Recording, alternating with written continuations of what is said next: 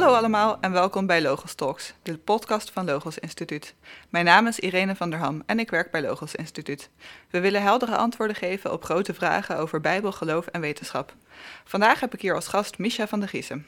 En we praten over wat het christendom nou anders maakt. Welkom Misha. Dankjewel. Nou, om er gelijk even in te duiken. Wat maakt het christendom nou anders dan andere geloven? Ja, nou, hele interessante vraag eigenlijk. En zeker als je ook dan naar uh, de andere godsdiensten gaat kijken hoe die uh, zijn begonnen. Want het christendom is een hele historische godsdienst. Het begint natuurlijk met het jodendom, waarin God Abraham uitkiest om een Joods volk te gaan starten en ook een Joods geloof. En waarin Jezus eigenlijk de vervulling is van de belofte daarvan. En hoe het christendom dus eigenlijk groeit tot een historische godsdienst. En dat kunnen we heel mooi terugzien. Terwijl als je dat tegenover bijvoorbeeld het Hindoeïsme ziet, dan zie je dat er um, een mythe hier ontstaat, en een mythe daar ontstaat, en een mythe op weer een andere plaats, ontstaat. En je ziet dat die mythes steeds meer worden toegevoegd tot een groter geheel en eigenlijk nog steeds ook los en vast zit. Um, een hindoe kan ook zeggen, nou dit onderdeel vind ik heel belangrijk en dit onderdeel vind ik wat minder belangrijk. En hetzelfde is ook met het boeddhisme. Dat is wel veel gestructureerder, maar is ook heel mythisch van aard. En het is ook heel de vraag van hoe wil je dat nou daadwerkelijk karakter gaan geven? En dan heb je uitspraken van de Boeddha waarin mensen dan zeggen, ja zo moet je gaan leven. Maar het is niet een heel duidelijk geheel zoals het christendom wel zo is gegaan. Nou, en dan heb je nog een historische godsdienst en dat is dan echt wel de islam.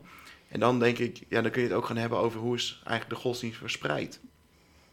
Heel simpel, ehm, het christendom ontstond nadat Jezus is gekruisigd en weer is opgestaan.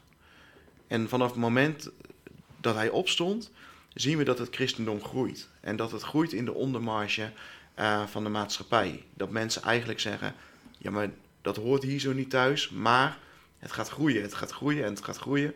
En we zien dat christendom bizar snel verspreidt. Um, het is binnen een eeuw over heel Europa in ieder geval doortrokken. En binnen twee en drie eeuwen eigenlijk dat het dominant is. Um, ja, dat hebben we nog nooit eerder gezien in de wereldgeschiedenis.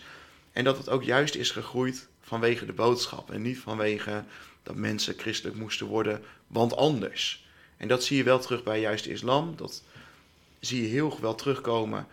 Uh, dat het heel snel groeit. Eigenlijk nog iets sneller dan het christendom.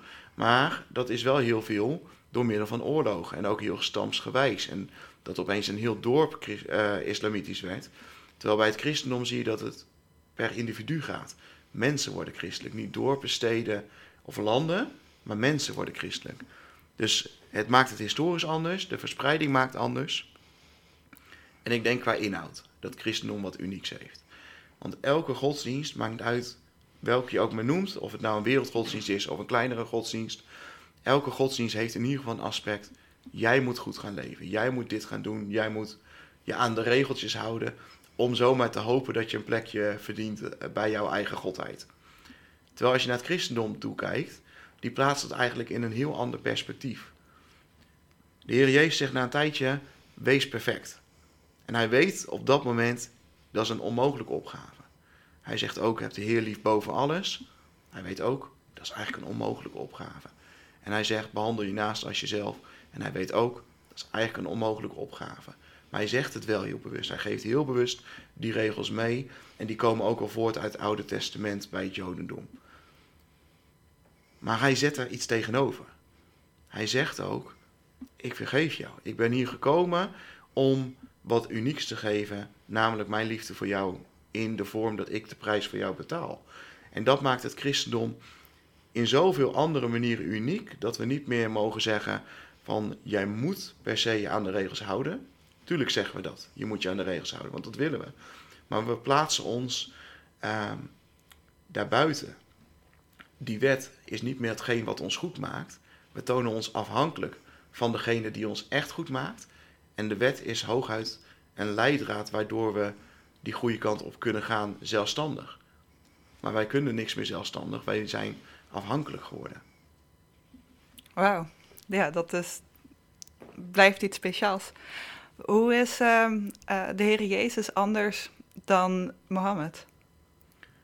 Ja, sowieso um, de goddelijkheidsclaim, om het zo te gaan zeggen. Mohammed um, is een echt persoon, hij heeft echt bestaan, maar hij heeft nooit gezegd dat hij God is. Daarom ook dat zij uh, die lijstspreuk hebben. Er is geen God dan Allah en Mohammed is zijn profeet. Dat is daarin al ingebed. Mohammed heeft niks goddelijks over zich heen. Ehm, en Jezus natuurlijk wel. Jezus begint heel vaak met ik ben, wat natuurlijk ook de godsnaam is, die wij ehm, eigenlijk ook niet ijdel mogen gebruiken. En waar Mohammed dan zegt, doe dit, doe dat en doe dit. En dat zijn soms hele goede dingen en soms dingen waarvan je denkt, nou, uh, dat hoeft wat mij betreft niet. Zeg Jezus, ik wil dat je dit doet en ik help je daarbij.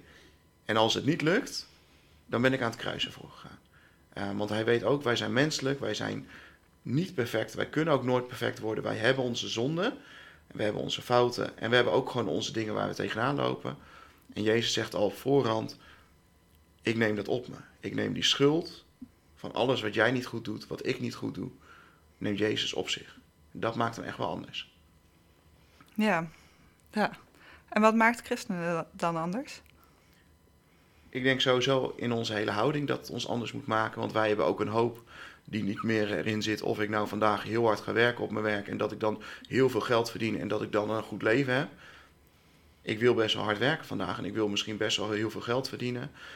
Maar mijn hoop zit erin dat ik gered ben. En dat ik een vreugde heb groter dan alleen dit leven. En dat is denk ik wat anders is in het christendom dan andere gelovigen.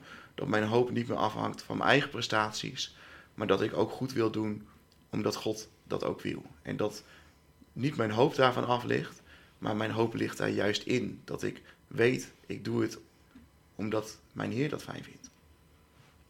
Dankjewel, Misha, voor deze boodschap. U heeft geluisterd naar Logos Talks, de podcast van Logos Instituut. Ga voor meer informatie naar logos.nl.